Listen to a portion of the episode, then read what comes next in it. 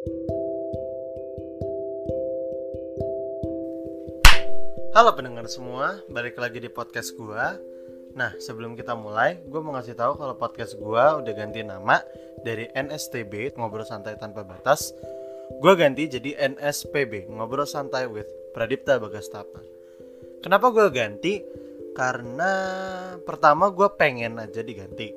Kedua, gue ngerasa kalau kata-kata tanpa batas ini agak ambigu. Soalnya gue ngomongnya tanpa batas tapi visi gue itu uh, harus ada batasannya biar nggak terlalu kelepasan. Nanti kalau terlalu kelepasan malah jadi eksplisit kan dan nggak bermanfaat malah kan. Jadi ya ya udah gue coret aja tanpa batasnya. Jadi cuman ngobrol santai with Pradipta Bagastama. Yeay oke. okay. Seperti janji gue kemarin di episode perdana gue akan menceritakan backstory gue tentang bullying. Karena selama gue SD itu bener-bener yang namanya bullying tuh ada di kehidupan gue selama uh, oh 8 tahun tambah 2 tahun. Jadi 8 9 10 10 tahun. Oh gila ya.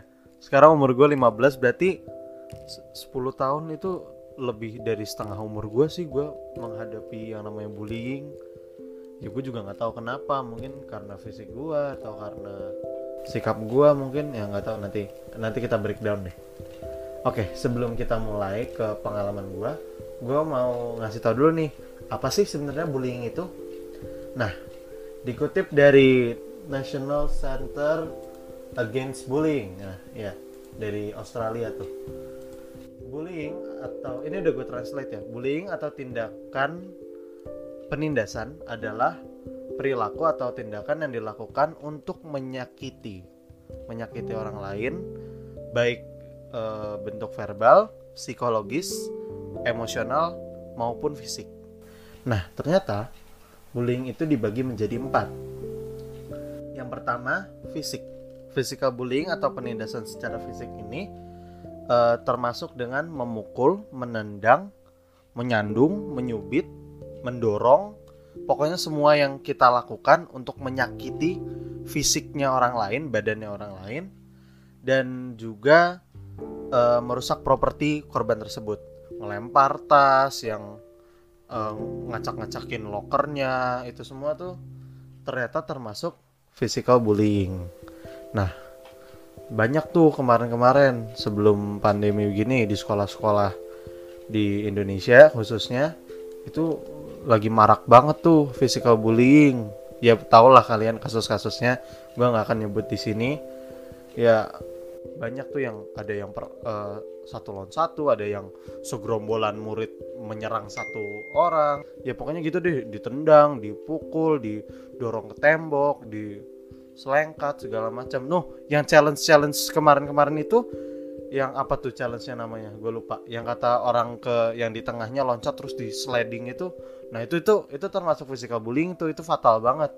Gak ada itu, gak ada seru-serunya, gak ada baik-baiknya, gak ada lucu-lucunya itu semua menyakitkan karena uh, uh, FYI itu kalau diselengkat gitu jatuh kepalanya duluan bisa gegar otak. Nah, gegar otak itu masalah serius ya, bukan masalah biasa-biasa aja. Nah, physical bullying ini mer, e, menyebabkan kerusakan jangka pendek dan jangka panjang. Jangka pendeknya ya memar, luka luar, gitu-gitu. Kalau jangka panjangnya ya bisa menyebabkan kematian dan sudah banyak korban yang meninggal karena physical bullying. Jadi semuanya hati-hati ya kalau bercanda jangan bawa-bawa fisik gitu karena itu berbahaya banget. Yang kedua adalah verbal. Penindasan verbal meliputi pemanggilan nama, penghinaan, ejekan, intimidasi, ucapan homofobia atau rasis, serta pelecehan verbal. Jadi semua yang berkaitan dengan nama-nama hewan dipakai buat manggil orang, terus ejekan-ejekan yang meng apa sih yang mengintimidasi mental kita kayak sorry ya sorry nih bego goblok gitu-gitu itu sebenarnya termasuk verbal bullying ini sekarang lagi lagi viral banget nih soal rasis yang terjadi di negara negeri tetangga. Nah, walaupun yang lagi viral itu ya gue nggak mau bahas di sini walaupun mereka secara uh, walaupun mereka melakukannya secara fisik tapi mereka melakukan itu berbasis dengan rasisme ya kan karena si korbannya kulit hitam jadi ditindas begitu kan itu nggak baik sih. Tapi ya gue nggak mau bahas itu di sini. Gue juga nggak tahu kebenarannya kayak gimana. Jadi ya udah itu urusannya mereka. Gue cuma mau bilang itu bener-bener nggak boleh. Kita nggak boleh yang namanya bermain-main dengan sara sara tuh apa sih? Suku agama ras dan antar golongan itu empat adalah uh, ideologi yang sensitif banget kalau dipermainkan. Oh, apalagi soal agama tuh. Jangan ya jangan dipakai buat penindas orang. Ya intinya nggak boleh ya. Nggak boleh. Kita nggak boleh uh, menindas orang lewat kata-kata juga. Karena itu bisa menyakiti hati mereka itu bisa menyakiti mental mereka. Mereka bisa jadi stres mereka bisa jadi emosi. Nanti mereka bisa jadi yang namanya mempunyai rasa balas dendam atau revenge. Nanti malah masalahnya makin panjang. Jadi yang kalau yang namanya bercanda ya bercanda biasa aja lah. Main game main-main. Kalau mau bercanda saut-sautan gue saranin ngepantun sih. Itu saut-sautan kan seru kan. Daripada harus ngata-ngatain orang. Uh apalagi soal fisik. Duh gue paling nggak seneng tuh soal fisik. Soalnya ya gimana? Gue ngaku badan gue gede memang dan ya dulu gue gue sering banget dikata-katain fisiknya. Nanti deh nanti gue cerita abis ini. Nah yang ketiga ada social bullying atau penindasan sosial. Eh, kadang-kadang ini juga disebut sebagai intimidasi terselubung. Ini di kayak diomongin di belakang gitu guys. Kayak ngegosip. Tuh nggak boleh yang gosip menyebarkan rumor tuh apalagi rumor-rumor yang bohong yang kita nggak tahu kebenarannya itu itu itu termasuk penindasan sosial. Berbohong kita di depan korban ngomongnya gimana di belakang korban ngomongnya gimana tuh? Muka dua itu bener-bener masih marak banget banyak orang bermuka dua. Tapi jujur aja ya terkadang gue juga suka hilaf. Gue juga kadang pernah bermuka dua gue lagi belajar untuk untuk selalu jujur gue juga lagi belajar untuk nggak ngejudge orang juga. Jadi uh, pribadi gue juga lagi belajar makanya gue sharing biar kalian tidak melakukan kesalahan-kesalahan yang sama kayak gue terus gerakan wajah atau fisik negatif tampak mengancam atau menghina. Kayak misalnya yang ngasih-ngasih jari itu terus yang kayak ngancam-ngancam mau nonjok-nonjok gitu. Nah itu itu termasuk ternyata termasuk uh, penindasan sosial prank. Nah itu tuh. Prank prank itu tuh sebenarnya nggak banget ya kalau menurut gua. Walaupun uh, yang di YouTube YouTube itu prank-pranknya beberapa emang ada yang lucu dan mereka udah setting udah menjadi settingan ya itu nggak apa-apa. Tapi kalau yang prank-prank yang jahat-jahat kayak yang kemarin prank sampah itu tuh benar-benar itu di luar di luar naluri manusia sih. Itu prank sampah tuh udah perilaku setan banget sih dia ya udah deh nggak usah diomongin di sini Terus mendorong orang lain untuk secara sosial mengecualikan seseorang. Oh, mengeluarkan orang dari kelompok kita gitu. Misalnya uh, ada satu angkatan nih, satu angkatan sekolah. Nah, ada satu orang nih. Nah, si orang ini dikucilkan, dikeluarin gitu. Udah lu jangan ikutan kita. Itu termasuk uh, penindasan sosial ya, teman-teman semua. Soalnya kita harus ngertiin perasaan dia lah. Dikeluarin gitu kan pasti sedih banget. Ya, gue dulu sering sih. Dan itu benar-benar sakit banget. Di nggak dianggap sama teman-teman lu di namanya tuh apa ya? Di exclude dari kelompok itu tuh itu benar-benar sakit banget sih. Kayak nggak dianggap kalau dia tuh ada. Ya jadi jangan ya semuanya. Terus apa lagi? Merusak reputasi sosial seseorang atau penerimaan sosial. Wah gila. Merusak reputasi cuy kayak posting-posting story bilang kalau dia tadi begini begini begini begini jadi aib aibnya orang aibnya orang lain lu kemukakan itu merusak reputasi dia banget. Jadi jangan ya jangan nyebar aib. Karena pertama itu di semua agama itu pasti dosa. Yang kedua ya itu bisa merusak mentalnya si orang yang disebarin aibnya. Soalnya yang namanya aib kan kejelekan diri ya kalau disebarluaskan orang-orang tahu alhasil orang-orang bakal ngetawain dia kalau dia diketawain kan secara mental dia bakal stres yang ketiga ada cyberbully. Uh, cyberbully ini yang paling sering nih. Nyadar nggak nyadar kita pasti pernah melakukan cyberbully. Karena sekarang lagi zamannya sosial media kan, apalagi kita di rumah aja gini, pastinya semua sibuk ngelihat Instagram, Twitter, Facebook, ya gitu-gitulah. Dan secara sadar nggak sadar kita mungkin terkadang komen-komen yang jelek-jelek kita ngata-ngatain terus kita apa sindir-sindir di story itu itu tuh termasuk cyberbully dan hukumannya berat banget. Tuh kena UU ITE kalian lah kalau melakukan cyberbullying kalau dilaporin ke pihak yang berwajib. Nah selain yang tadi ternyata menggunakan akun orang lain tanpa sepengetahuan mereka itu juga termasuk cyberbullying. Itu nggak boleh tuh itu privasi mereka. Kita nggak boleh pakai akun orang lain. Bikinlah akun sendiri ternyata ada jenis-jenis kekerasan di ranah online. Gue nggak mau sebutin semua gue sebutin beberapa aja. Salah satunya ada doxing. Doxing ini mempublikasikan data personal orang lain. Uh jadi misalnya WhatsApp uh, yang aneh-aneh nih WhatsApp uh, si korban sama orang lain yang aneh-aneh. Lu screen capture terus lu sebar-sebarin nah itu itu termasuk doxing tuh nggak boleh. Karena itu data personal nggak boleh lu sebar-sebarin. Terus kayak nomor apa ya nomor telepon nih lu sebarin ke sosial media tanpa sepengetahuan dia itu nggak boleh juga karena itu data personal. Nah yang kedua ada cyber stalking. Cyber stalking ini adalah tunggu stalking orang termasuk bullying nih.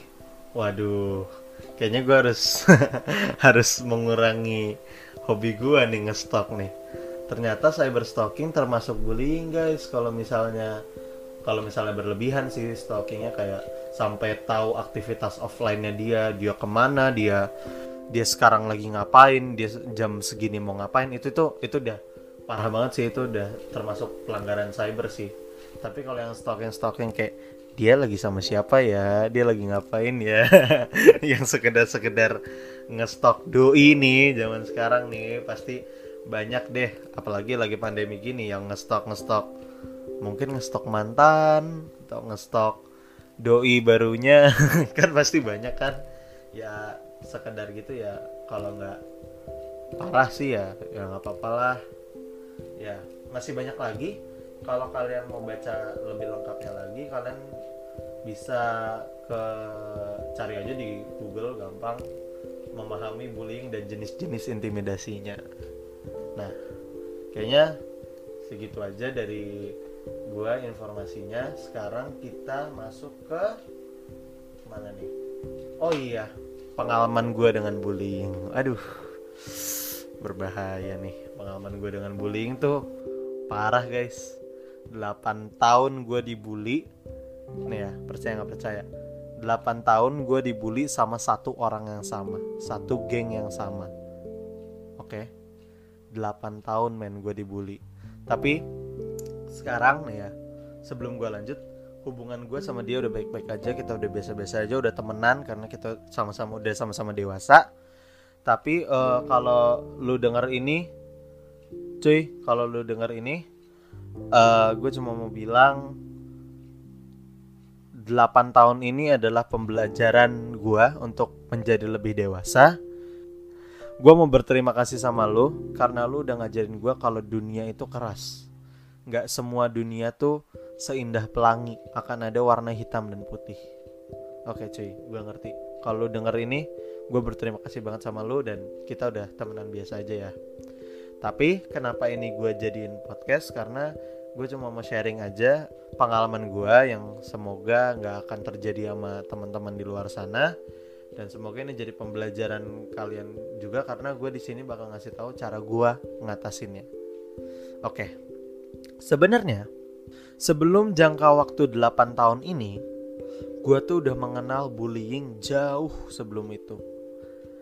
tapi dulu itu gua adalah salah satu nih ya sebelum sebelum ke masa gua dibully gua adalah salah satu tanda kutip fighter di sekolah gua yang dibilang pembuat onar. Nah kenapa gue bilang gue tanda kutip fighter? Karena gue itu dulu selalu menyelesaikan masalah menggunakan fisik. Berantem. Karena apa? Nih ini lucunya nih. Saat orang-orang ditanya cita-citanya apa pasti dulu ya waktu kecil akan menjawab pilot polisi dokter arsitek eh, pemadam kebakaran gitu-gitu. Gua waktu ditanya cita-citanya apa? Gue jawab simple Power Rangers. Iya. Waktu kecil gue ditanya cita-cita gue apa gue mau jadi Power Rangers. Kenapa gue jawab Power Rangers? Karena itu tuh keren banget tuh mereka berubah gitu kan jadi warna merah kuning hitam hijau gitu-gitu. Terus berantem berantem melawan monster monster jahat. Itu kan kalau fantasi anak kecil kan itu seru banget ya. Yep. jujur aja sampai sekarang gue masih suka lihat-lihat di YouTube sih nonton-nonton Power Ranger gitu karena ya fantasi masa kecil men. Itu seru banget. Tidak bisa dipungkiri ya itu seru banget sih menurut gue nah gue merasa gue tuh harus bisa menjadi seperti mereka. Biasalah otak otak anak kecil selalu bilangnya uh mau jadi superhero mau menyelamatkan dunia. Aduh menyelamatkan dunia. Lu nyelamatin diri sendiri dari tikus kecil aja lu nggak bisa. Oh iya tadi gue baru abis itu apa mau nangkep tikus tapi tikusnya nggak keluar keluar terus gue takut geli gitu. Anyway ya jadi dulu gue cita-citanya jadi Power Ranger makanya gue di sekolah itu kalau misalnya ada masalah gue selalu nyelesainnya pakai uh, fisik. Nah gue berantemnya tuh persis banget kayak Power Ranger. Gaya-gayanya oh dari kuda-kudanya dari jurus-jurusnya gue sampai apa nah sebenarnya itu gue berantem bukan untuk kesenangan diri. Gue berantem itu karena gue ya bener ingin membela kebenaran. Gue selalu kayak merasa sok jagoan. Mau ada mereka nih punya urusan lagi berantem gue datang buat nolongin salah satu. Ribut menang. Ada lagi yang berantem gue datang lagi nolongin salah satu. Ya gue dulu gitu deh sok jago gitu. Karena apa? Ya karena nonton Power Ranger. Sampai akhirnya gue dipindah nih ke sekolah swasta dengan harapan akhlak gue lebih bagus. Baru hari pertama nih ya hari pertama di sekolah itu gue udah dibully. Sepatu gue diambil. Sepatu gue diambil gue marah dong. Dengan ego gue dari sekolah lama gue ini kan gue masih sok jago nih. Dengan ego gue gue mau lempar satu sepatu sebelahnya terus gue hantemin satu persatu mereka semua. Dan itu parah men yang biasanya gue berantem cuman ya kalau ketahuan dipanggil kalau nggak ketahuan ya biasa aja. Ini gue ketahuan gak ketahuan pasti ketahuan terus gue langsung dipanggil ke kantor kepsek kepala sekolah. Orang tua gue langsung dipanggil ke sekolah. Gue kaget dong. Perasaan dulu gue kalau berantem gak kayak begini ya. Kenapa sekarang jadi ancur begini kenapa gue jadi sekalinya berantem gue dipanggil orang tua gue dipanggil. Nah habis dari situ biasa nih sekolah.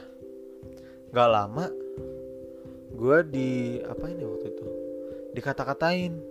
Katain sok jago lah dikatain badan gede lah dikatain apa ya banyak lah waktu itu. Babon oh gue inget banget dikatain babon. Nah gue masih dengan ego sekolah lama gue ngejar mereka dong. Gue ngejar mereka gue mau ngehantem mereka gitu. Nah terus gue ditangkap sama salah satu guru. Ditahan. Jangan emosi nak. Jangan emosi nak. Jangan emosi nak.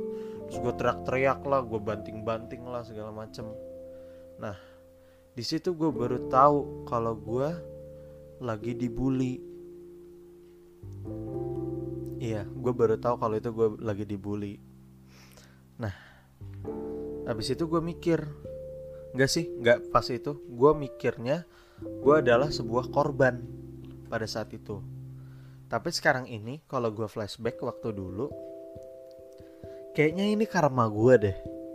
Karena gue dulu sempat jadi sok jagoan, sempat berantem banyak, sempat jadi troublemaker. Jadinya waktu dipindah ke sekolah swasta, gue di di treat sebagaimana gue ngetrit orang-orang pada saat dulu sebelum masuk sekolah itu. Jadi ya salah gue juga sih dulu. Merasa sok jago tapi ya ya namanya masih kecil lah. Lalu selama masa sekolah gue dibully terus gue dikata-katain. Sama satu orang yang sama satu orang yang sama. Gue dikatain gendut gue dikatain sok jago gue dikatain apa. Mungkin karena dulu gue songong kali ya. Iya jadi gara-gara sok jagonya itu gue jadi songong. Gue dikatain dikatain apa preman gue dikatain troublemaker karena suka ngajak berantem ngajak apa suka emosian. Ya gitu deh pokoknya gue dibully. Sampai pada suatu titik akhirnya gue diem. Gue diem bener-bener diem gue mikir mereka kenapa gitu ya sama gue ya? Apa karena gue terlalu emosi atau karena apa? Gue pernah salah apa sih sama mereka? Kok gue baru masuk udah dibully aja? Kok sampai sekarang gue masih dibully?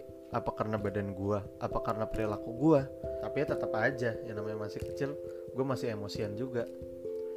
Mereka ngata-ngatain gue tantang. Main bola gue kalah. Malu dikatain lagi. Gue marah. Gue marah ngejar mereka di stop lagi sama guru pokoknya gitu deh sequence mereka ngatain gue marah gue kejar gue ditangkap guru. Mereka ngatain gue marah gue ngejar gue ditangkap guru. Gitu terus. Ya so, ya gitu deh. Jadi mostly itu dulu gue kena verbal bullying. Itu mostly sih karena dulu kan kita belum megang HP belum belum ada sosial media.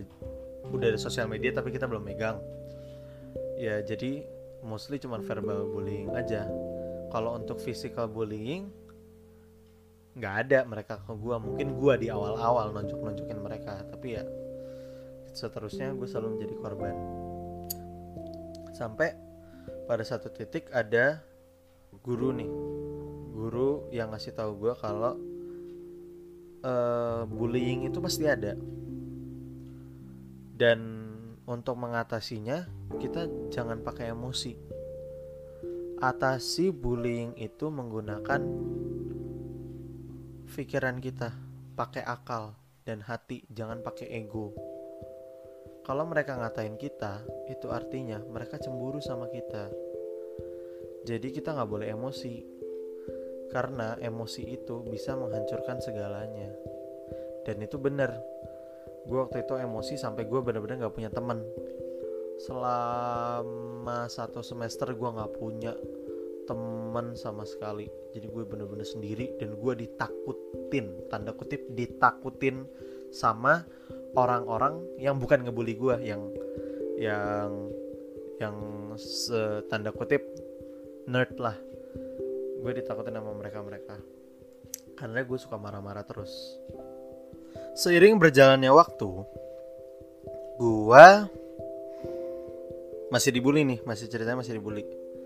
Gua tuh dibi bisa dibilang kan gua nggak punya temen tuh, tapi ada satu waktu di mana ada satu orang dari geng pembuli itu ngedatengin gua dan ngajak gue berteman.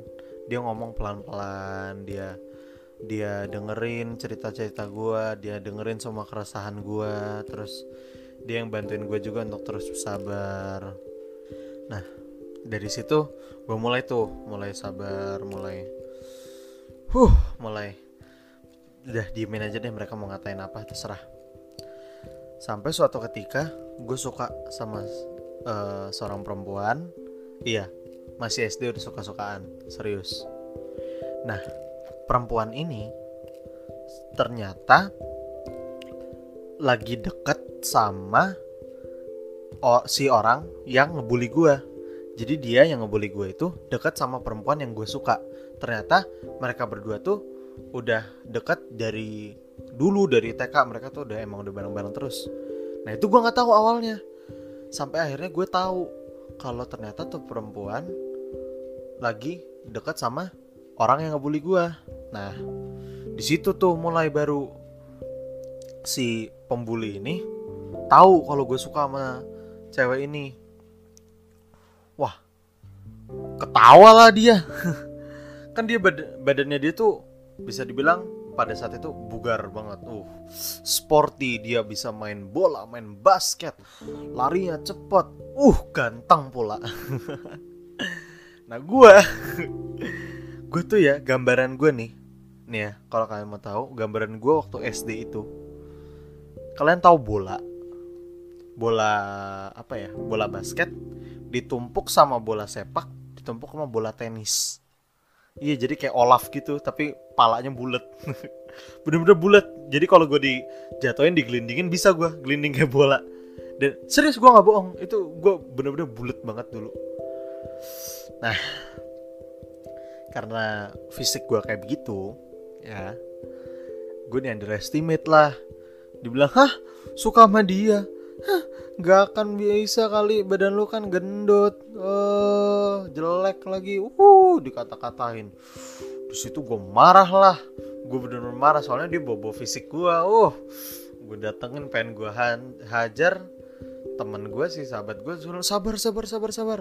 Nggak sengaja deh kena das ya marah lah temen gue marahan kita. Habis itu teman gue join lagi sama dia. Join lagi sama uh, geng pembuli itu. Gue tinggal lagi sendiri. Tapi pada saat itu ada satu lagi orang mau nemenin gue didengerin lagi cerita-cerita gue dan dia bantuin lagi kalau misalnya gue dibully dia bilang janganlah jangan dibully. Udah udah cukup cukup cukup. Gitu nenang sosok nenangin nenangin gitu eh ternyata oh ternyata dia ada adalah salah satu pelaku penindasan sosial. Di depan gua nenang-nenangin gua ngebela gua di belakang gua ternyata dia juga ikut ngomongin gua. Ternyata dia adalah salah satu dari geng pembuli itu. Nah sampai waktu itu akhirnya gue tahu karena lagi makan bakso terus lagi makan bakso terus si uh, cowoknya ini uh, ngajakin enggak si cowoknya ini lagi makan sama gue nih yang teman baru gue nih. Terus gue ngajakin dia gini eh kita iseng yuk uh, nantang main bola sama si pembuli itu. Terus dia bilang oh ayo. Terus dia datang datang ke geng pembuli itu. Woi si bagas tuh nantakin main bola. Kayak bisa aja ya. Itu gue denger sendiri itu di kantin. Dia ngomong kayak begitu. Waduh gue langsung kayak Astagfirullahalazim gue percaya sama orang yang salah ternyata selama ini. Oh gue kesel lah. Dari situ gue ya jauhin dia. Gue nggak percaya lagi sama siapa-siapa. Bener-bener gue nggak percaya sama siapa-siapa. Sampai akhirnya ada satu guru dia itu kayak konselor ya advisor sekolah gitu uh, datengin gue dia tanya gue ada masalah apa sih? Gue kenapa? Karena kan track record gue kan emosian terus nih di rapot. Nah dia waktu itu adalah uh, seorang konselor baru yang lagi mengevaluasi murid-murid di sekolah itu. Nah gue ditanya lah kamu kenapa suka emosi sih? Kamu emang dari sekolah mana? Gimana segala macam? Gue cerita lah semua. Gue cerita cerita cerita cerita cerita. Akhirnya guru ini mau bantuin gue untuk menghilangkan masalah gue sama emosi. Dan dia mau ngajarin gue caranya mengatasi bully. Mengatasi bully ya.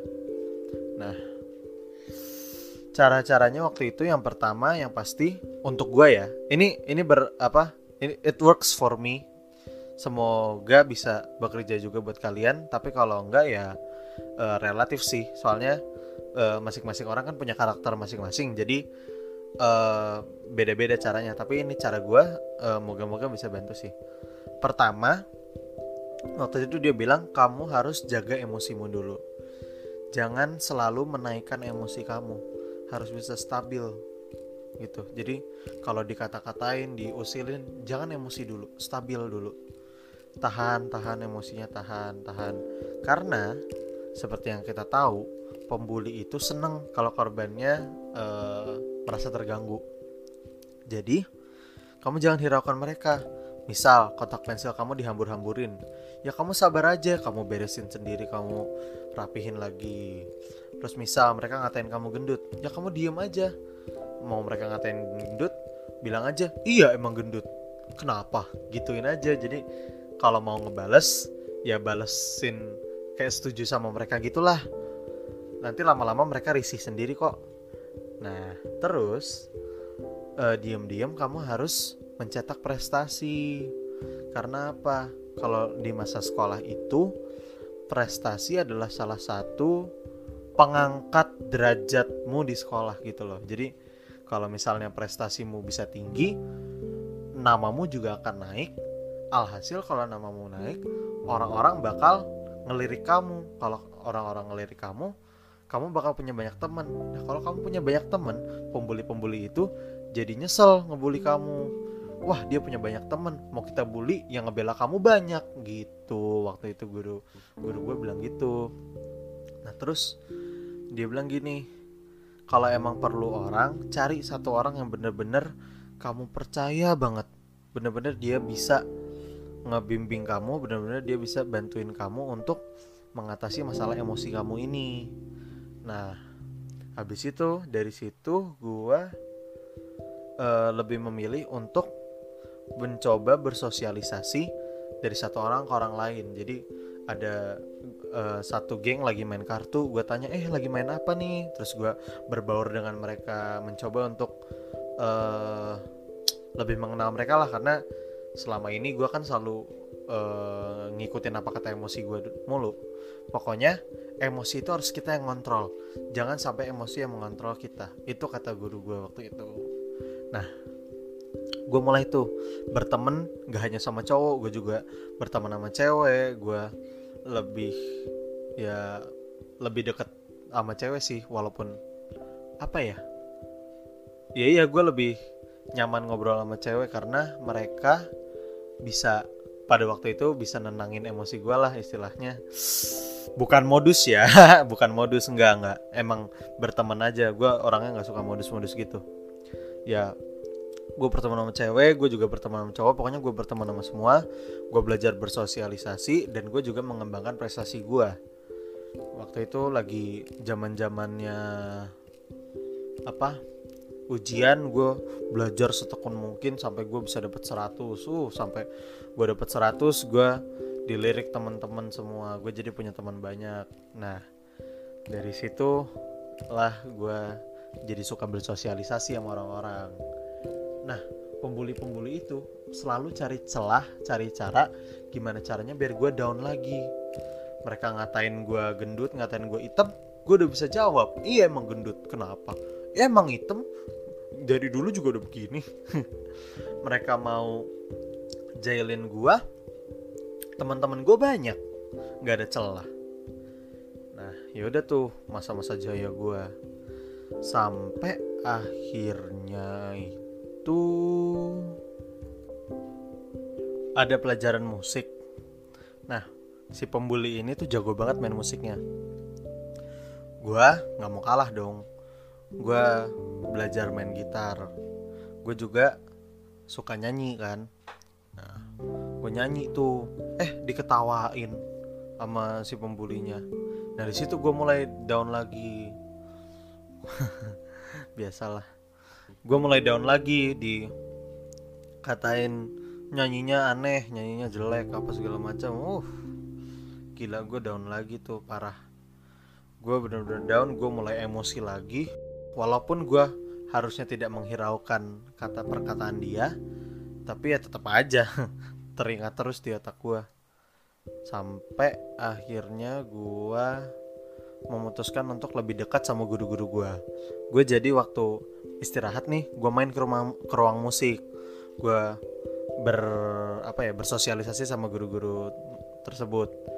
Nah gue diajarin lah caranya nyanyi yang bener caranya main alat musik yang bener ya. Pokoknya ngobrol-ngobrol aja sampai akhirnya gue bisa ikutan nyanyi di salah satu festival di sekolah gue itu. Ya bersyukurlah gue akhirnya bisa nunjukin kalau gue bisa nyanyi.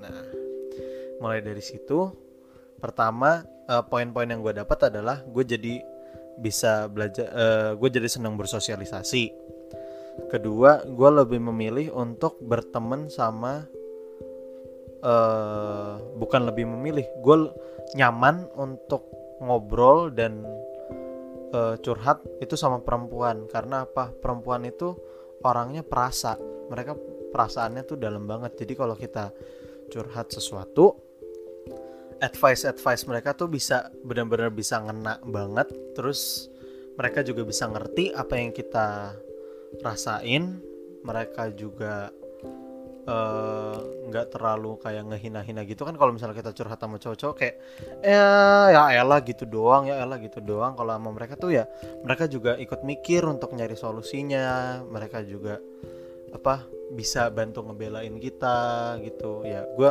gue ngerasa gitu sih bukan modus ya. Uh, eh, gue ngerasa nyaman aja sih uh, cerita-cerita sama mereka uh, walaupun berteman sama cowok-cowok juga asik. Bisa main bareng ngegame main bola bisa uh, cerita-cerita lucu bisa ngeproject bareng. Kalau ngeproject gue lebih suka sama cowok-cowok karena gampang diatur nggak. Kalau cewek-cewek agak lebih susah diatur tapi ya mau gimana pun gue juga tetap butuh mereka. Jadi poin yang gue dapat adalah bertemanlah sama semuanya mau cowok mau cewek terserah. Yang penting uh, bertemannya itu untuk tujuan yang positif, bukan untuk menghina orang atau menindas orang. Nah, yang ketiga, poin yang gue dapat adalah gue jadi suka bersosialisasi dengan guru-guru di sekolah. Karena apa? Dengan bersosialisasi dengan guru-guru, gue bisa dapat ilmu yang lebih, gue juga bisa dengar pengalaman-pengalaman mereka. Jadinya gue tidak beranjak ke arah yang salah gitu. Ya begitu deh cara gue ngatasinnya tadi. Yang pertama untuk gue ya gue ngendalin dulu emosi gue yang kedua eh, coba untuk berinteraksi dengan mereka. Kalau mereka ngatain kita kita santai aja jawab iya emang kenapa? Gitu. Jadi kayak so asik-asik aja gitu loh kayak nggak ada apa-apa. Terus yang ketiga kejar terus prestasinya ya pokoknya gitu deh.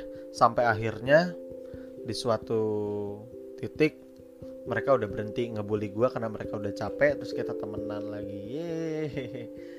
seru deh. Sebenarnya hal-hal yang kayak gitu pasti akan terjadi di kehidupan kita. Mau waktu sekolah waktu kuliah atau waktu kerja pun katanya bully-bulian tuh memang ada. Kata orang tua gue sama kata guru-guru gue yang gue ajak ngobrol itu katanya bully saat uh, udah dewasa tuh juga ada cuman ya caranya aja berbeda jadi kalau gue bilang sikap membuli atau sikap menindas ini kayaknya sih nggak akan bisa dihapus karena Tuhan sengaja menciptakan ada yang baik, ada yang jahat. Biar apa? Biar kita bisa belajar mengevaluasi diri gitu. Tapi pada akhirnya semua akan berakhir kok e, seperti pandemi ini semuanya juga bakal berakhir pada akhirnya tapi nggak tahu kapan ya. Moga-moga aja cepet berakhir lah. Ya udah kangen keluar nggak sih? Kangen sekolah gitu ketemu teman-teman aduh. Oke balik-balik ke topik. Ya paling itu sih. Untuk solusinya dari gua ya yang tadi aja kalau misalnya berhasil ya bagus. Kalau enggak ya coba belajar lagi. Intinya sih ya kalau mau mengatasi bullying itu kita harus bisa lebih mengenal diri sendiri dulu. Karena apa? Kalau kita udah kenal diri sendiri kita tahu semua karakternya kita tahu kebiasaan kita kayak apa kita tahu sikap kita kayak apa gue bisa jamin 100% lu bakal nemuin cara lu sendiri gimana caranya mengatasi masalah tersebut. Gitu teman-teman. Oke uh, kayaknya cukup sampai sini. Terima kasih buat semua pendengar yang masih uh, di sini yang masih dengerin podcast gue terus support podcast gue terus kalau ada kritik dan saran bisa DM gue di @bagastama305 itu Instagram gue @bagastama305 nah terus untuk nextnya kita akan ngomongin soal masa kecil juga. Sama siapa? Tungguin aja di episode berikutnya oke? Okay? oke okay, that's it. This is Bagas signing out. Bye